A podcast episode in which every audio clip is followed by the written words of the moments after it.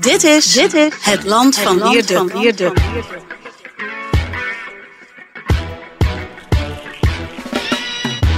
Een podcast van de Telegraaf met analyses op het nieuws die u elders niet hoort.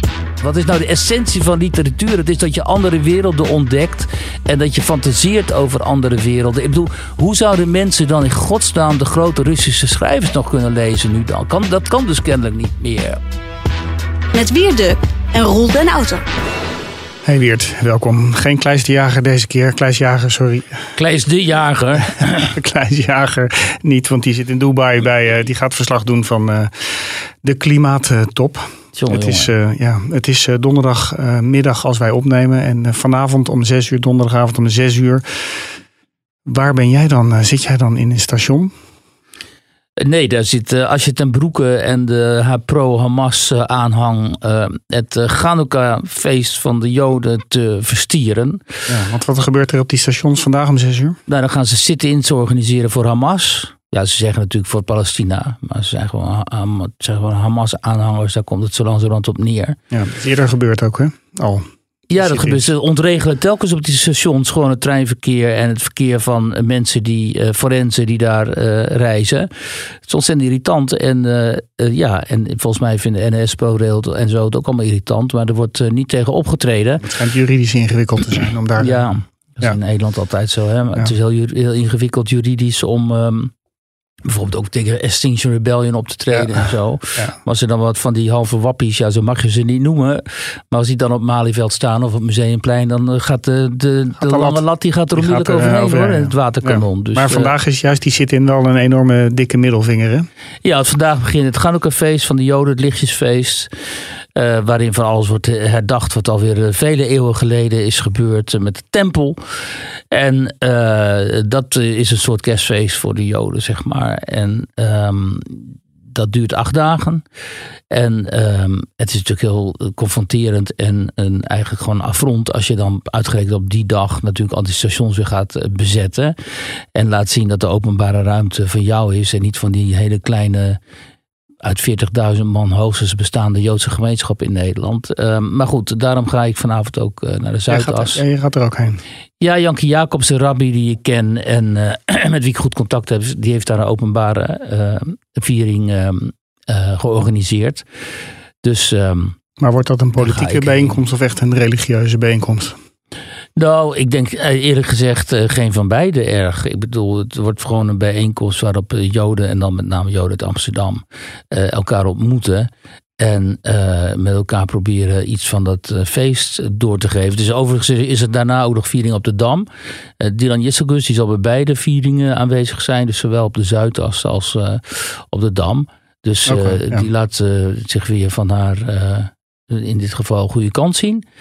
En, um, maar ja, goed, uh, we gaan zien hoe dat uh, allemaal uitpakt. Het is natuurlijk allemaal weer um, uh, heel typerend dat het um, op deze manier gaat. Dag of zo nadat de NOS eindelijk, eindelijk na twee ja. maanden ook eens een keer heeft toegegeven.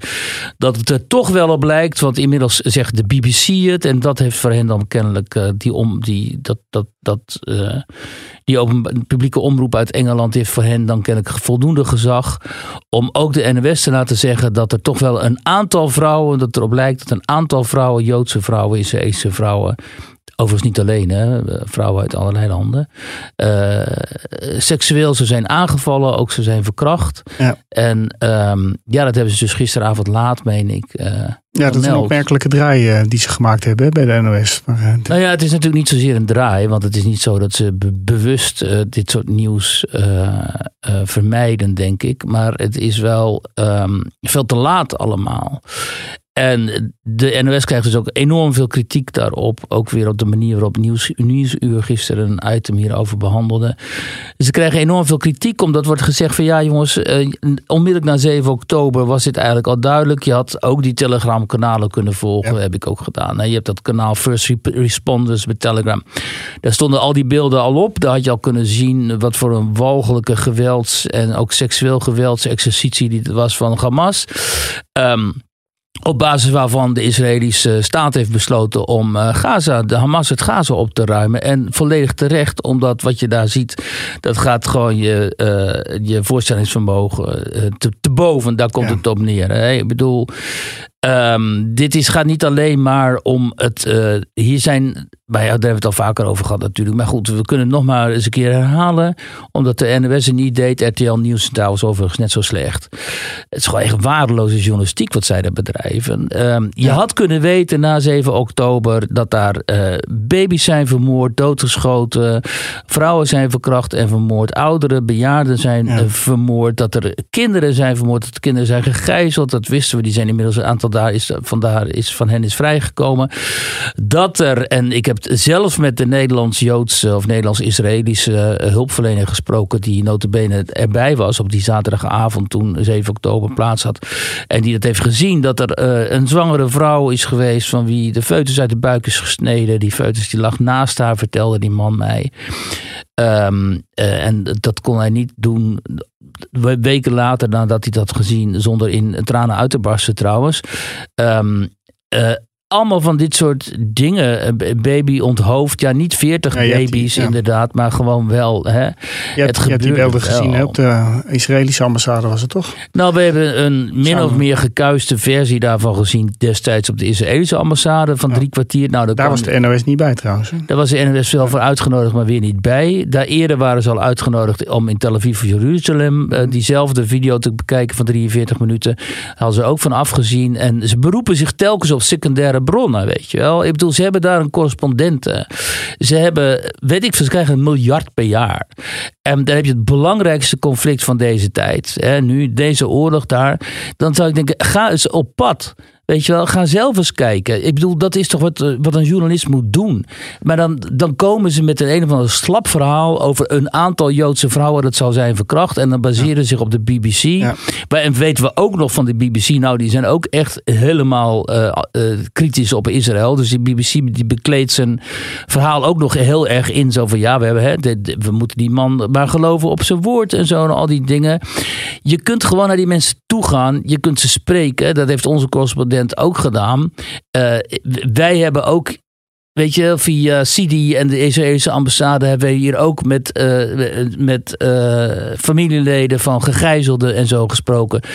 Je kunt ze gewoon opzoeken hoor en de verhalen optekenen. Maar nee, nee, het moet allemaal via via. En het liefst dan gaan we dit soort berichten gewoon s'avonds ja. laat.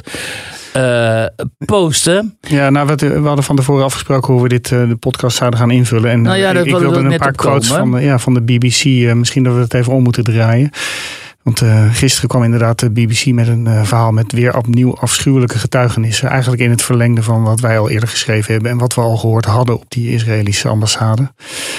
Maar um, het is misschien wel even goed. Dus zal ik eens even een stukje voorlezen. Want ik, als ik, ik dit lees, je wordt eigenlijk gewoon helemaal gek als je dit nou ja, leest. daar baseert de NOS zich dan dus op. Hè? Ja, maar dit is een letterlijke vertaling van, uh, van de BBC. Hè? Dus ja. Daar wordt er met over getuigen gesproken. Ze beschrijft hoe Hamas-strijders een vrouw in een groep verkrachten en haar verminkten. Voordat de laatste van haar aanvallers haar in het hoofd schoot terwijl hij haar, terwijl hij haar bleef verkrachten. In de video bootst de vrouw, bekend als getuige S, na hoe de aanvallers het slachtoffer oppakken en van de een naar de andere doorgeven. Ze leefde nog, zegt de getuige. Ze bloedde uit haar rug. Ze legt verder uit hoe de mannen tijdens de aanval delen van het lichaam van het slachtoffer afsneden. Ze sneden haar borst af en gooiden die op straat, zegt ze. Ze waren ermee aan het spelen. Het slachtoffer werd doorgegeven aan een andere man in uniform, vervolgt ze. Hij penetreerde haar en schoot haar in het hoofd voordat hij klaar was. Hij pakte niet eens zijn broek op. Hij schiet en ejaculeert. Ongelooflijk, hè? Die, vindt, ja. die, die vermengt dus sadisme met seksualiteit. Ja, dit gaat, dit gaat nog een stuk verder. En we hebben gisteren ook al een vertaling van het BBC-verhaal erop gehad. Het, het is, dit gaat je echt gewoon toch elke voorstellingsvermogen. Ja, ik denk inderdaad niet dat de Duitse. die ging ook heel ver, hè, die nazi's. Ja, en, ja. uh, maar of ze hiertoe in staat. Ja, ze waren hier ook wel toe in staat hoor. Maar goed, het is dus vergelijkbaar op het aller, aller, aller ergste, laagste niveau van uh, on, onmenselijkheid. Daarop heeft die Hamas-aanval, terreuraanslag uh, zich afgespeeld. Terwijl die kerels ook nog eens een keer onder de druk zaten. En die werd dus, hun daden werden toegejuicht in Gaza, in Gazastad. Hè. Dat heb je ook gezien. Ze hebben die gegijzelden meegenomen naar de Gazastad. En die werden geslagen en bespuugd en beschimpt. Hè. Je, we weten nog dat dat meisje, dat Duits-Joodse meisje, dat op die truck lag met die enorme beesten op die, op die, op die pick-up en hoe, hoe er met haar werd omgegaan. Dus al, je zou zeggen, dit is allemaal uh, bekend. Dit is allemaal bekende informatie. En uh, deze informatie zou inmiddels ook, uh, omdat het zo ernstig is en omdat het ook niet alleen maar gaat om een aanval op Israël en op de Joden, maar een aanval op ons, op mensen die hè, de beschaving willen vertegenwoordigen en een beschaafde cultuur willen uh, beschermen. En uh, een cultuur waarin uh, individuele vrijheid, de vrijheid van meningsuiting, geloofsvrijheid, al die dingen zijn gewaarborgd. Daar zit ook een aanslag op. Dus al die volstrekte idioten die dan gaan op die, op die sit-ins mee gaan doen in een soort collectieve uh, weg met ons zinsbegoocheling.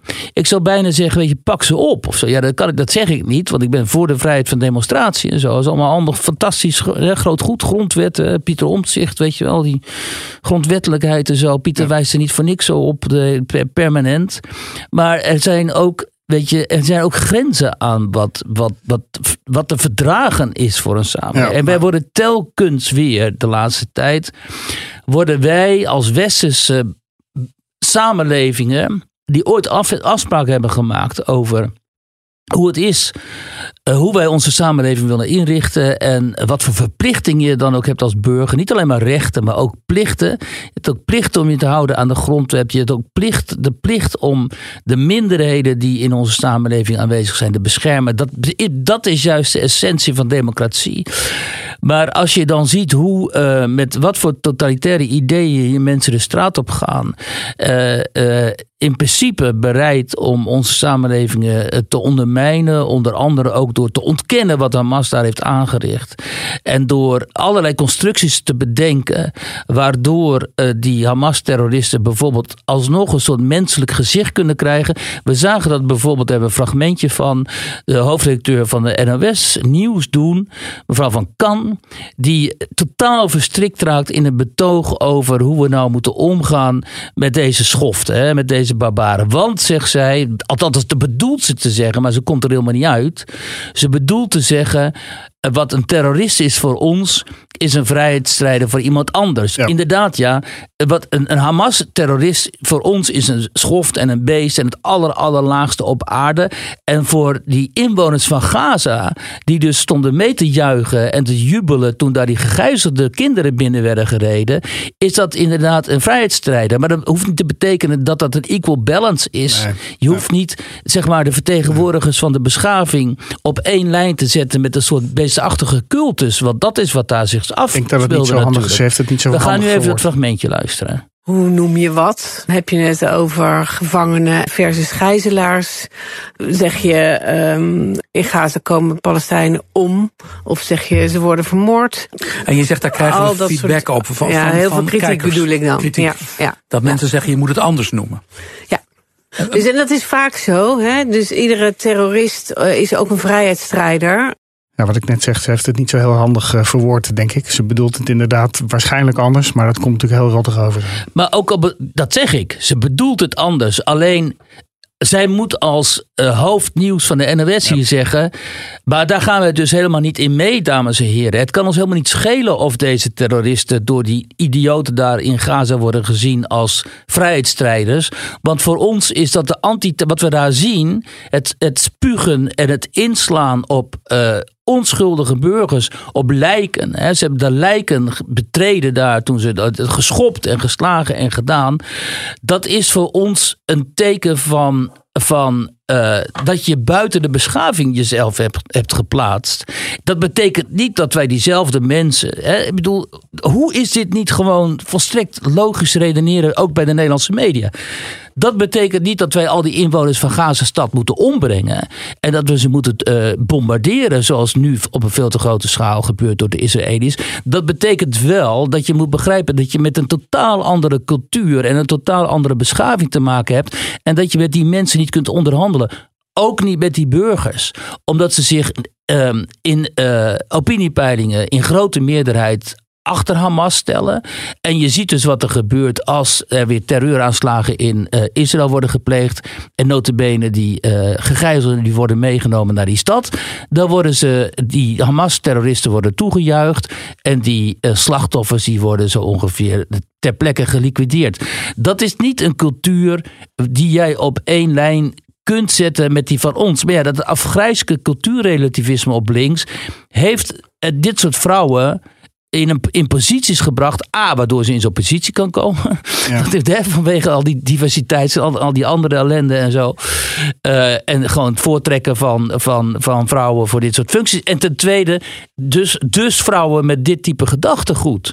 Wat avond na avond aan avond ook bij talkshows als dat Gelied en uh, Sophie wordt gepropageerd. Ja, straks nog en wat is, de, wat ja. is dan, ja daar gaan we het nog over hebben. En wat is dan de conclu conclusie uiteindelijk? Niet van laten we dat Galit en Sophie eens een keer van de buis halen want het is gewoon pure propaganda. Nee, die krijgen, daar gaan we het zo meteen over hebben, het, uh, het tijdslot van uh, op één.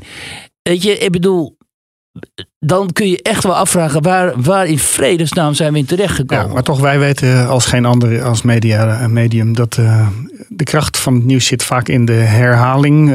Wij hebben het nieuws eerst gebracht over die gruwelijke verkrachtingen. En uh, Israëlische media natuurlijk. Nu kwam de, de BBC ermee. De NOS begint schoorvoetend ook zo ver te komen. Het, is natuurlijk ook, eigenlijk allemaal te erg om, om waar te zijn bijna. Hè, wat, wat daar is gebeurd. Tot, ik denk dat een heleboel mensen gewoon... Daar heb je volgens mij een term voor in de psychologie. Cognitieve dissonantie. Ja, de, je, wilt, je, wilt, je wilt er gewoon niet aan. En, ja, maar ja, wij zijn niet journalist geworden om daarin, mee, daarin mee te gaan. Nee, nee, nee, wij niet. Maar uh, ik, ik kan me voorstellen dat een hoop mensen toch een beetje hun kop in het zand hebben gestoken. Gedacht hebben van dit, dit kan niet waar zijn. Ik, ik heb een beetje... Nou ja, wat je hoogstens kunt denken in dit geval. En dat is natuurlijk de, de, de, de een beetje de standaard verklaring geworden uh, over dit merkwaardige fenomeen.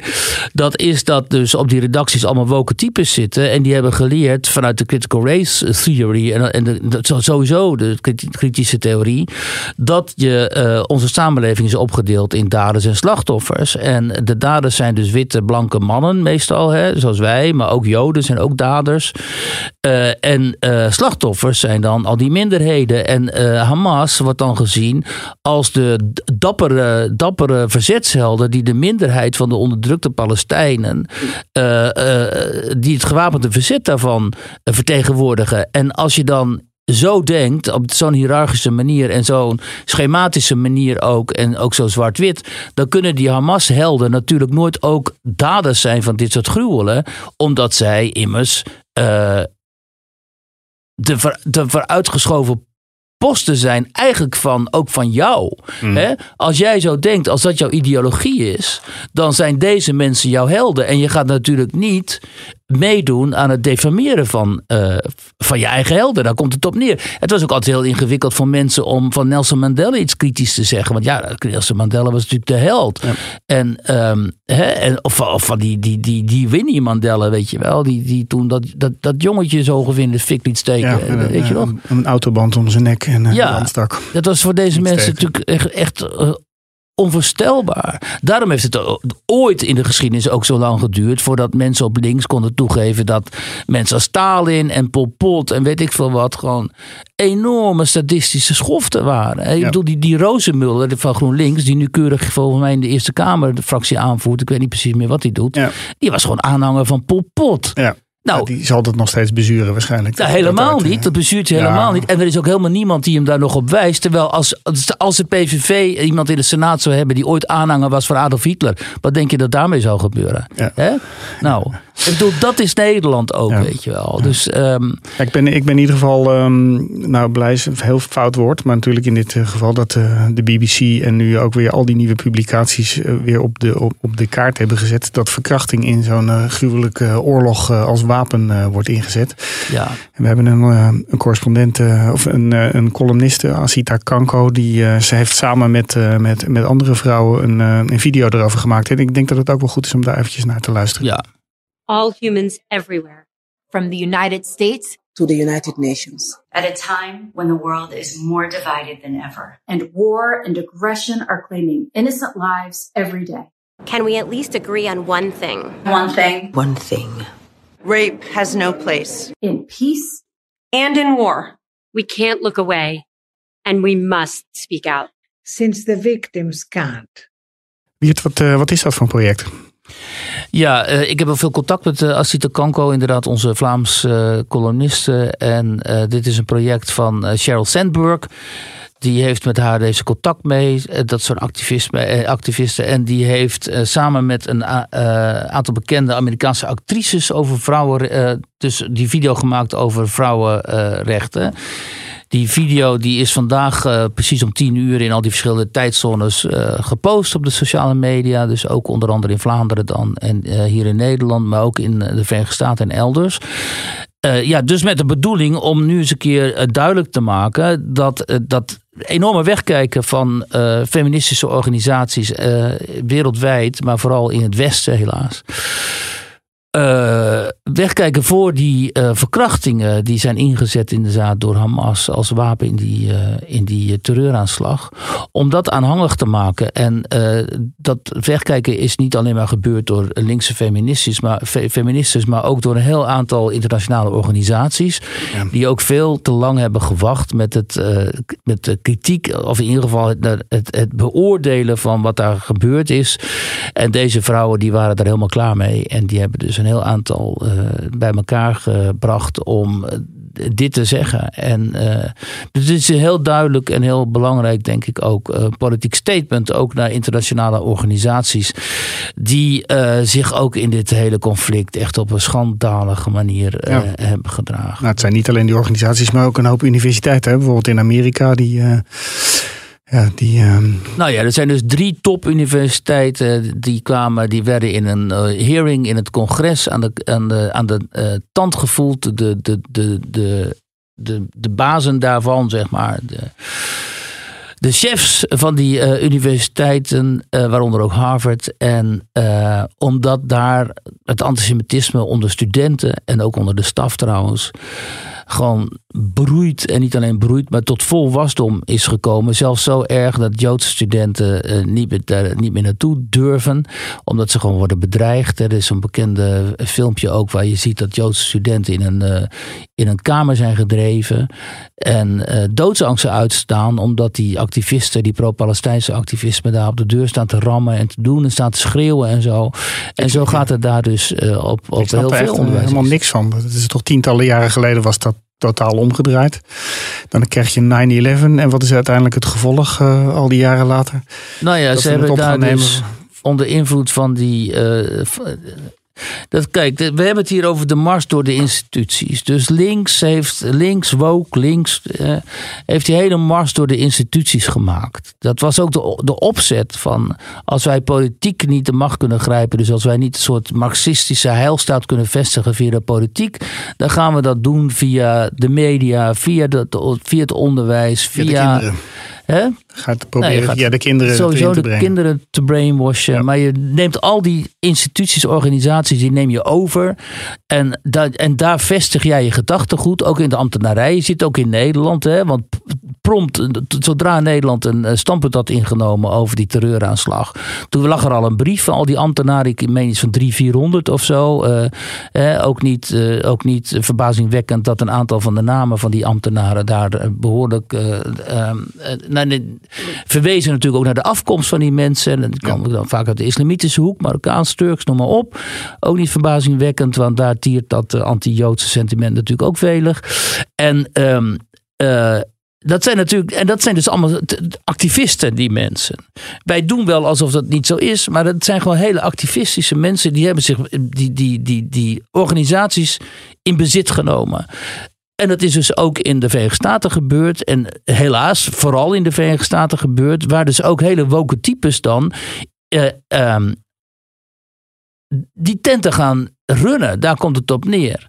bijvoorbeeld een van die dames die dan een van die universiteiten leidt. Ja, wat is dat voor mevrouw? Ja, een, een lesbische zwarte mevrouw. En die heeft dan ook sociologie of zo. Een van die FOP-wetenschappen heeft ze dan uh, gestudeerd. Daarin is ze gepromoveerd. Dan kan je nog wel gewoon tegen Hamas zijn nee, want dat heb ik je net uitgelegd. dan kun je niet tegen Hamas zijn. Want als je dus die, vanuit die hele woke beweging komt, dan is, behoort Hamas tot de slachtoffers van juist dat kapitalistische, imperialistische westerse systeem. Dat jij dus fundamenteel wilt wijzigen en wat je bekritiseert. En binnen dat uh, westerse kapitalistische uh, imperialisme, zeg maar daarin spelen de Joden ook voor in, naar hun gevoel een heel belangrijke rol. Dus hè, die zijn daarin, dat zijn de machthebbers in hun, hun, in hun ogen. En dan moet je dus, uh, horen hebben we een goed fragmentje van ook. Dan wordt dus een, de geweldige uh, mevrouw, congresswoman. Een republikeinse. Ja, die daar, is zij republikeins? Ja, dat weet ik eigenlijk niet. Die daar dus die mensen ondervraagt. En die wil gewoon van die mensen horen. Dat zijn dan drie dames die dan die universiteiten vertegenwoordigen. Vind je het nou ja of nee verwerpelijk als op jouw universiteit tot genocide op Joden wordt opgeroepen? Nou, dat gaat heel lang duren voordat daar een ja of nee op komt. Ms. McGill, at Penn, does calling for the genocide of Jews violate Penn's rules or code of conduct? Yes or no? If the speech turns into conduct, it can be harassment. Yes. I am asking specifically calling for the genocide of Jews does that constitute bullying or harassment? If it is directed and severe or pervasive, it is harassment. So the answer is yes. It is a context dependent decision, Congresswoman. It's a context dependent decision. That's your testimony today. Calling for the genocide of Jews is depending upon the context. That is not bullying or harassment. This is the easiest question to answer yes, Ms. McGill. If the yes speech or becomes, no? If the speech becomes conduct, it can be harassment, yes. Conduct meaning committing the act of genocide? The speech is not harassment. This is unacceptable, Ms. McGill. I'm going to give you one more opportunity for the world to see your answer. Does calling for the genocide of Jews violate Penn's code of conduct when it comes to bullying and harassment? Yes or no? It can be harassment. The answer is yes. Ja, dat is fantastisch. Hè? Ze heet Elise Stefanix, is uh, inderdaad uh, um, republikeins. En je hoort dus gewoon een toenemende wanhoop bij haar. Je hoort echt, en dat, dat is het wat ik zo herken, dat je echt wil schreeuwen naar die mensen. Van, weet je, doe normaal. Weet je, ja, niet eens doe normaal, maar hoe, wie ben jij? Weet je wel, dat je het niet over je lippen kunt krijgen dat het de oproep tot genocide op Joden, dat dat een ieder geval een vorm van intimidatie. Nou ja, harassment noemen ze dat dan hier. Hè, maar dit is Amerika. Hoe zou dat in Nederland zijn als je dat in Leiden of in uh, Utrecht of in Amsterdam zou doen? Ja, dat is precies zo. Ik, uh, ik sprak van de week ook weer iemand die dan bekend is met die universiteiten. Ook met Leiden trouwens. En die zegt, ja, dat is gewoon geen enkel verschil.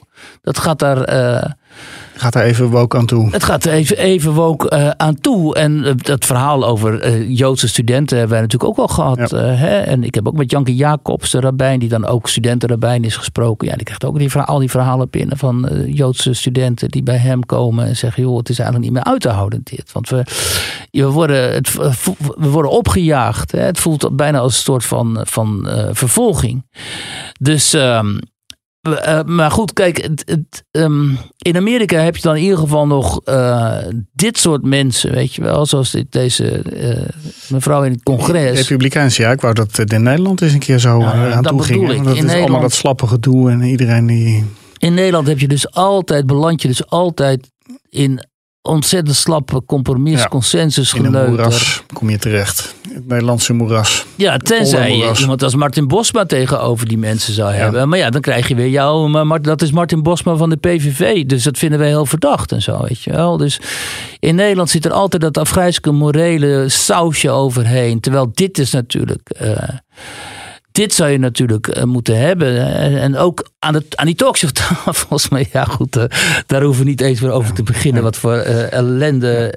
Nou, maar op aan die talkshowtafels is deze week ook regelmatig gesproken over het, het matige leesniveau van de, de Nederlandse leerling op school. Dat is echt, dat is echt dramatisch hè, volgens, het, volgens een laatste onderzoek. Dat gaat alleen maar achteruit en achteruit. Um, Jij wilde een eh, fragment laten horen. Wat, wat gaan we horen? Nou ja, dus eh, uit PISA-onderzoek, daarin eh, is Nederland gewoon ontzettend slecht uit de bus gekomen. we zitten, onze, onze jongeren, pubers zeg maar, een heel groot deel daarvan, die kan gewoon helemaal niet meer begrijpend lezen. En die komen zo meteen van school en dan zijn ze eigenlijk semi-analfabeet, daar komt het op neer. En dat heeft natuurlijk te maken met heel veel zaken, maar onder andere al die, die onderwijs, zogenaamde onderwijshervormingen uh, van uh, die al 40 jaar of zo uh, gaande zijn. En waar altijd terecht heel veel kritiek op is geweest. Maar goed, natuurlijk ook aan de immigratie, aan het feit dat heel van die jongeren thuis opgroeien. En de eerste drie, vier jaar totdat ze naar de kleuterschool gaan. Dat heet niet meer zo tegenwoordig, maar dat was het vroeger. gewoon helemaal geen Nederlands spreken. Dus die Nederlands is voor hun dan in principe de tweede, tweede taal. En uh, nu was er dus de, de vraag van, ja, hoe krijgen we jongeren eigenlijk weer uh, aan het lezen ook, zodat ze in ieder geval iets van taalvaardigheid uh, opdoen. En waar komen ze met die NPO, bij die NPO dan weer mee aanzetten met deze mevrouw? Nee, wat ik ook heel erg merk is dat als ik een boek lees en ja, het gaat weer over een of andere hetero, witte hetero jongen, dan denk ik ja, leuk, maar ik herken mij daar niet in. En waardoor ik eigenlijk ook best wel veel Engelstalige boeken lees. Omdat, hè, nou ja, in dit geval, ik, ik val op vrouwen. Dus ik vind het fijn als ik een hoofdpersoon heb die dat, dezelfde ervaring daarin heeft. U mist die representatie ik mis heel erg die representatie. En ik denk ook, um, een beetje vooruitlopend feiten, maar dat het ook een reden is waarom heel veel jongeren in het Engels gaan lezen. Ja, weet je, ook echt de boeken die op de leeslijst staan, zijn overwegend geschreven door witte mannen. Wat een ongelofelijke bullshit. Nou ja, daarom klink ik vandaag wat opgewonden. Want ik heb uh, ik heb zoveel van dit soort totale gekte voorbij zien komen de afgelopen dagen. Ja, dit is een mbo-docent, die moet onze, die, die moet onze nieuwe uh, workforce opleiden. Om maar een Nederlands woord te gebruiken. Ja, maar de hele mindset van zo'n vrouw. Dus die kan, die is dus zo verschrikkelijk narcistisch en totaal zelf, op zichzelf geconfronteerd. Dat zij zich kennelijk helemaal niet meer in de wereld van andere mensen kan verplaatsen. En die fascinerend kan vinden en interessant. En daarvoor kan ze geen nieuwsgierigheid meer opbrengen want alles moet over haar gaan. Zij moet zichzelf herkennen in personages. Ja, zodat haar kennelijk uh, narcisme bevredigd wordt. Want zodra ze zichzelf niet herkent in personages. Maar zodra ze te, te maken krijgt met, oh god, verhoede witte mannen bijvoorbeeld. Ja. dan is het voor haar dus afgelopen. En dan gaat ze maar Engelstalige boeken lezen. Want daar komen kennelijk geen witte mannen in voor. Maar ja, dit speelt dus op al. Dat, je ziet dus dat wij in, in, in de cultuur ook eh, op dit moment um, uh, aan het einde zijn gekomen van een soort van cyclus. Uh, en daarom is het ook zo goed uh, en interessant dat uh, in deze verkiezingen, zeg maar, het conservatieve deel van de Nederlandse kiezers zich heel luid heeft laten horen.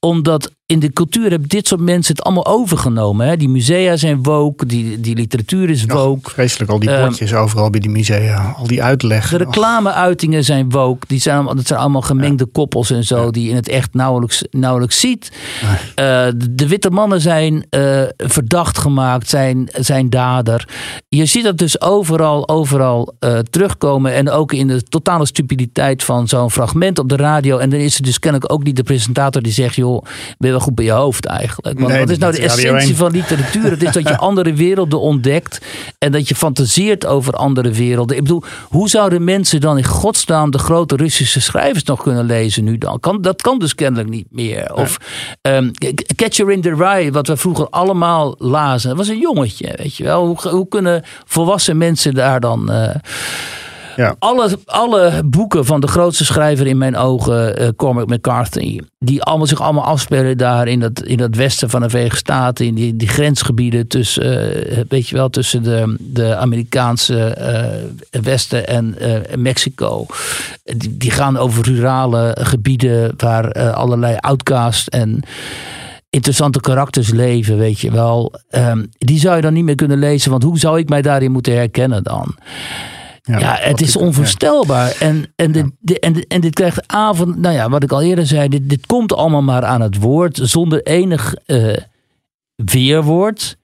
Ehm, en zo ga je natuurlijk die leesvaardigheid van die kinderen en hun nieuwsgierigheid om weer boeken te gaan lezen en zo helemaal nooit aanmoedigen. Nee, nee. En want met lezen vergroot je je woordenschat. Hè? We hadden deze week uh, een gesprek op de redactie. Wat gaan we eraan doen qua verhaal uh, voor, de, voor de Telegraaf?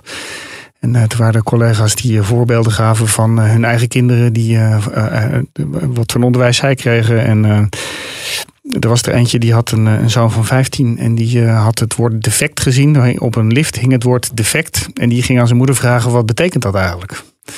Van 15? Van 15. Ja. Die wist dus echt gewoon niet. Die had op school niet geleerd wat het woord defect betekent. Die leest ook verder helemaal niet. Ja, die lezen, ze lezen eigenlijk nauwelijks uh, iets. Het enige woord wat ze wel uh, kwamen tot de conclusie. Wat ze wel allemaal kennen was het woord respect. Dat kennen ze oh, allemaal. Dat, dat kennen, ze allemaal wel. wel ja. Nou ja, wat mij wel opvalt bij mijn zoontje bijvoorbeeld, die is tien. Die kent sommige woorden beter in het Engels wel, maar niet in het ja, Nederlands. Ja, daar gaat het natuurlijk, daar gaat het natuurlijk heen. Dus dan, gaat hij, dan is hij aan het struggelen of zo. Of dan gaat hij, uh, als hij, of dan komt er vanuit die gamewereld, dan gaat hij lieven. Ja, ik ga liever. ik ga liever. Ja, ja maar ja, en... vroeger we, uh, mopperden onze vaders ook op ons dat wij uh, onderontwikkeld waren en, uh, en ergens daarin geïnteresseerd waren. Ja. Dus ik, nou, bij mij was het niet zo het geval. ja. nee, ik kreeg al op hele jonge leeftijd enorm van mijn ouders. Daar was ik hen heel dankbaar voor. Een, een, fantastische encyclopedie van de wereldgeschiedenis. Allemaal van die kleine deeltjes. Oh, heerlijk. Ja, ja. Die, die ben ik kwijtgeraakt en aan het zoeken en zo. Dus als iemand een tip heeft. Maar dat was soort 17, 18e delige kleine encyclopedie van de wereldgeschiedenis. Met al helemaal begrijpelijk voor kinderen opgeschreven en zo. En daar zat ik, maar goed, ik was een beetje atypisch. Maar um, um, nou ja, ik kreeg ook de Odysseus voorgelezen en uh, al die verhalen, al die uh, sages, legendes. Uh, ja, daar, groeit, daar groeien we uiteindelijk daar ben ik ook mee, daar ben ik, mee op. Ja, nou ja, onze generatie natuurlijk ook maar een beperkt deel van de generatie. Maar, nou ja, als je verveelde wel, ging je toch in ieder geval ja, strips zeker. lezen of boeken ja. lezen. En die hele series van de Chameleon ja. en weet ik veel wat allemaal. Alleen op de wereld, je las het gewoon allemaal. Maar dat gebeurt nu natuurlijk allemaal niet meer. Maar ja, hoor ons mopperen. Maar kijk eens, ik kijk tegenwoordig ook meer series en films, omdat het kan, dan dat ik uh, literatuur lees. Hè. Ja, dus, dat is zeker waar. Dus, Siri uh, slaat meteen aan dat je ja. moet gaan kijken of luisteren. Ja, precies. Dus in die zin vind ik het niet zo erg dat die jongeren, zoals mijn kinderen ook, opgroeien met veel meer beeldcultuur en zo. Als ze maar hun fantasie prikkelt en in ieder geval hun woordenschat moet wel groot zijn. Want dat heb ik gemerkt met mijn dochter bijvoorbeeld. Die groeide drietalig op waar de eerste taal was Duits, want het was in Duitsland. Berlijn. Ja, en de tweede taal dus Nederlands. En Russisch van haar moeder, dat hing er een beetje bij. Dus dat werd op een gegeven moment vergeten.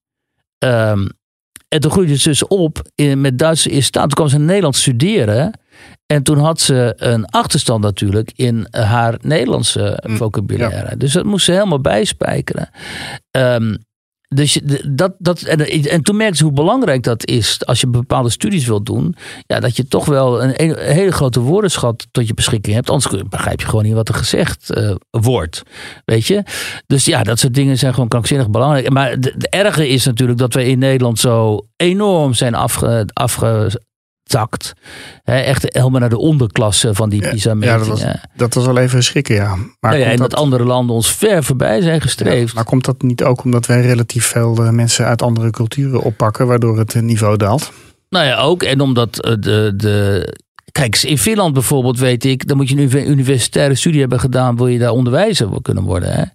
En uh, het spijt me, maar ik ben niet heel erg onder de indruk van het niveau van onder, onze onderwijzers op de nee. basisscholen. Als ik af en toe briefjes krijg met taalfouten daarin en zo, dan denk ik, oh god, jij, jij onderwijst mijn kind Nederlands ja. en je maakt zelf taalfouten. Ja, dat kwam bij die vergadering ook wel eh, naar voren. Collega's die klaagden dat, er, dat ze mails kregen van onderwijzers waar D's en T's verkeerd ja. stonden totaal verkeerd gespeld, verkeerde ja. zinsbouw.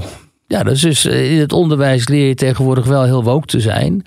En hoe dat allemaal moet, maar je leert niet meer spellen en rekenen. Ja, ja ik heb het ook gemerkt bij mijn zoon. Ja, ik weet niet of de luisteraars het interessant vinden hoor. Ja, ik denk het wel. Nou ja, bij mijn zoontje ook. Die kreeg op een gegeven moment moeite met rekenen. Dus toen hebben we hem op een uh, rekenbijles gezet. Uh, dat duurt dan twaalf weken of zo. veel te duur ook, maar goed. En dan krijgt hij het hele rekenen helemaal opnieuw wordt helemaal opnieuw geprogrammeerd mm -hmm. via de oude methode. Ja. Gewoon staardelingen. Ja, dus ja. onze methode, zeg ja. maar.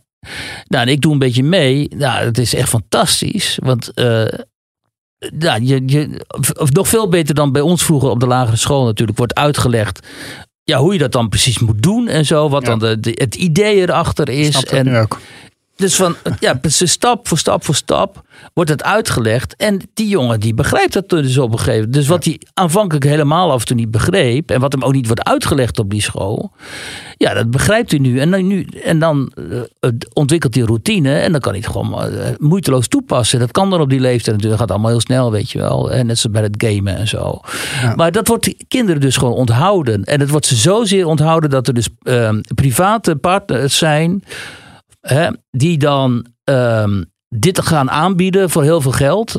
En Um, ja, waardoor je eigenlijk nog veel meer ongelijkheid krijgt in de maatschappij. Hè? Wat mij wel opvalt, wat is in Rotterdam trouwens, daar zitten allemaal allochtone kinderen in die klas uh, bij. Dat, ja, dus maar dat gewoon ambitieuze allochtone dat ouders. allochtone ouders die geld hebben, of die in ieder geval de geld voor over hebben ja. om, uh, om hun kind vooruit te laten komen. Ja, heel en dat, goed. En dat moeten we, ja, dat moeten we toejuichen. Ja, dat vind ik echt heel goed. En dan zie je ook wel, je krijgt zo'n voortgangsrapport elke week. Hè, van hoe ver zijn die kinderen nu? En dan zie je een paar van die allochtone kinderen heel ver vooruit zijn al. Dus ja, die hebben gewoon hele ouders. En die denken, gaat mij niet gebeuren dat mijn kind niet kan rekenen zo meteen. Nou, vind ik hartstikke goed. Ja, dat is zeker. Dat is heel, heel bemoedigend. Ja, maar ja, dat is dus wel in reactie op het falende Nederlandse staatsonderwijs. Hè? Ja, ja. Ja, je kennis zal je in ieder geval niet bij Galit en Sofie op gaan doen. Hè? Want daar willen we mee afsluiten met uh, de grootste ergernis voor jou waarschijnlijk van, uh, van gisteravond. Toen bekend werd uh, dat op één gaat verdwijnen. En dat Galit en Sofie dat tijdslot gaan krijgen.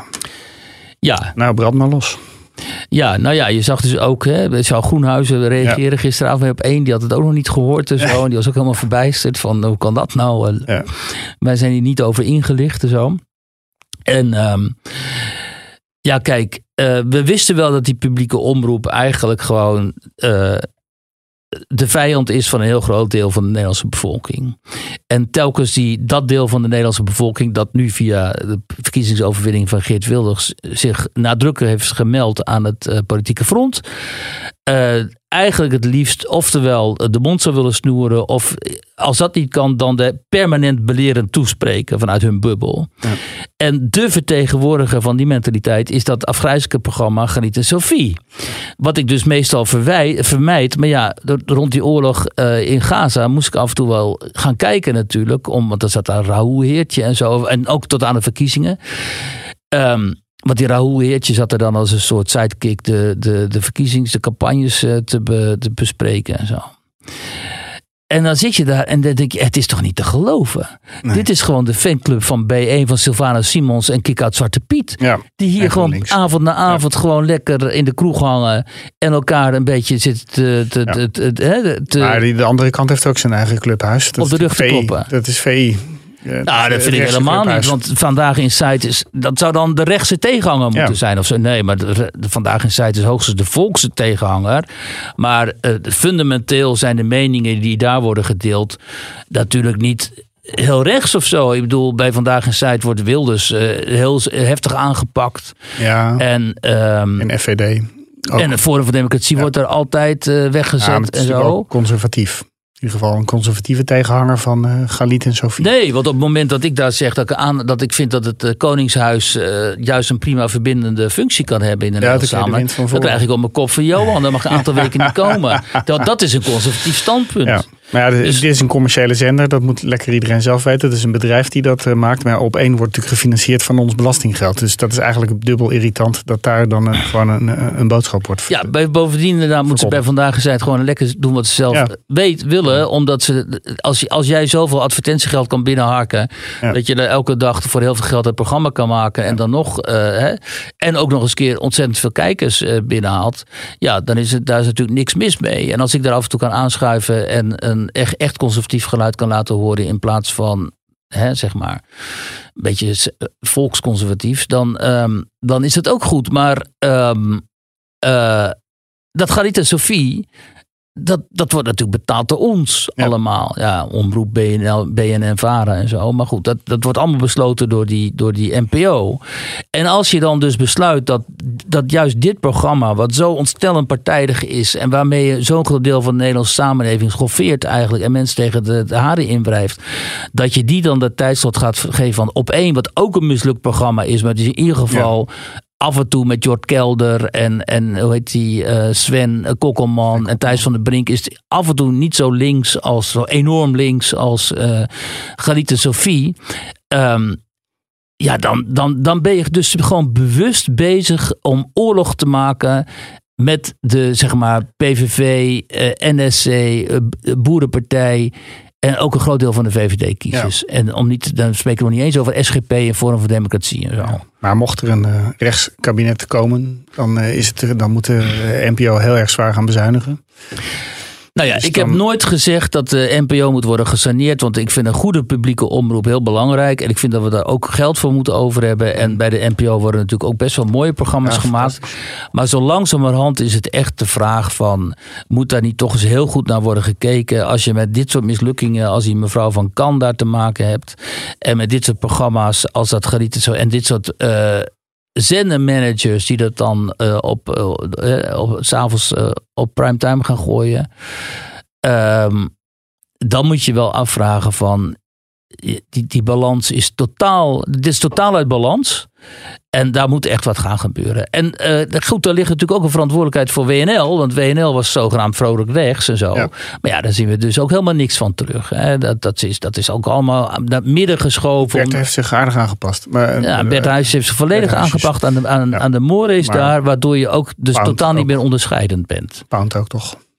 We hebben wel onderscheidende programma's, maar het is ook niet echt meer. Uh, nee, Poont natuurlijk ook niet. Maar nou goed, dat is gewoon nog een beetje proberen een beetje rebels te zijn. Ik mag die mensen er wel. En, en ze proberen nog iets, maar het past allemaal binnen die man. De enige die zich daar dus uh, fundamenteel uh, buiten die orde plaatst, dat is ongehoord Nederland. En die af en toe hebben die best goede dingen. Waarvan ik ook denk, het is belangrijk om dit even aan de orde te stellen. Deze onderwerpen die je verder nooit ziet bij die uh, publieke omroep.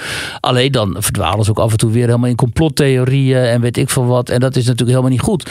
Maar ze zijn nu wel off the hook want ze zijn dus door um, uh, Oesloe, de, de, vertrekkende staatssecretaris, zijn ze vrijgepleit van uh, oneerbare zaken, geloof ik. En ze mogen blijven bestaan. Wat zou betekenen, en wat kan betekenen, dat uh, mensen die voorheen daar niet aanschoven, toch zullen gaan zeggen, weet je wel, de rest van die publieke omroep is zo krankzinnig D66 uh, op alle, in alle opzichten.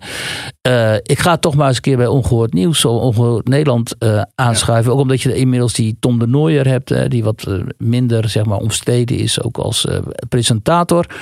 En ehm, ik, ik weet van één politica, ik zal haar naam niet noemen, dat ze in ieder geval overweegt om daar binnenkort aan te schuiven. En dan is toch, dat is dan toch wel een dat is eerste schaap over de dam, zeg maar. Ja. Eh, politica uit de mainstream die dan bezit. Nou, kijk, je, iemand als Ab Osterhaus bijvoorbeeld, die, heeft, die is, is er wel gewoon gezeten. Ja, Maurice, van, Maurice de Hond gezeten, ook, die hebben er scheid aan. Die zeggen, weet je, ik kan graag gewoon overal zitten, maar mij niet uit. Als ze maar rode wijn Maar daardoor word je ergens anders niet meer gevraagd. Hè? Dat is natuurlijk het, uh, het meteen het nadeel. Ja, maar iemand als Maurice die zegt van ja, maar ik werd anders ik werd elders helemaal niet meer gevraagd. Dus ik ga, dan, ik ga daar zitten. Ik ga daar zitten waar ze me vragen. Als, als, als op één mij niet vraagt, althans destijds vroegen ze me niet meer. Als ze me elders niet vragen, Bo of uh, hoe heet al die programma's, Renze. En ja. dat is ook al van persoonlijkheden, Bo, Renze. Uh, dat, dat de nieuwe programma van Even hier gaat ochtend heeft Eva heten of zo. En uh, dat, dan gaan ze naar ongehoord. Nee, kijk, ja, ik, Kijk, ik ga bijvoorbeeld, ik zit regelmatig bij de Nieuwe Wereld. Het is een schitterend platform hier in, of, uh, in Leiden. Waar je uur, een gesprek van een uur kunt eh, voeren of nog langer over bepaalde thema's. Ja, dat, is, dat vind ik geweldig. En dan. Um, Vorige week uh, op een vrije dag heb ik daar ook nog even een lang gesprek gevoerd over de verkiezingen met uh, Marlies Dekkers, onze uh, zeer gewaardeerde Marlies Dekkers, die daar de presentatie doet van een aantal uh, interviews. De lingeriekoningin. De lingeriekoningin, die zich inmiddels heeft ontpopt tot een uitstekende gesprekspartner bij de Nieuwe Wereld. En dat gesprek had binnen twee dagen meer dan 100.000 weergaves, man. Ja. Dus dat is gewoon, hè, daar heb je meer dan, dan een, een, een niet zo goed draaiend programma bij ja. de NPO. Zeker. Dus dus uh, okay. kan altijd ook nog elders. Dat sluiten af, uh, Wiert. Ja. Ik uh, weet niet of uh, Kleis Jager er volgende week weer is. Of die nee. dan weer terug is uit Dubai. en anders, anders zit ik er weer. Oh nee, hè. Tot nou volgende ja. week.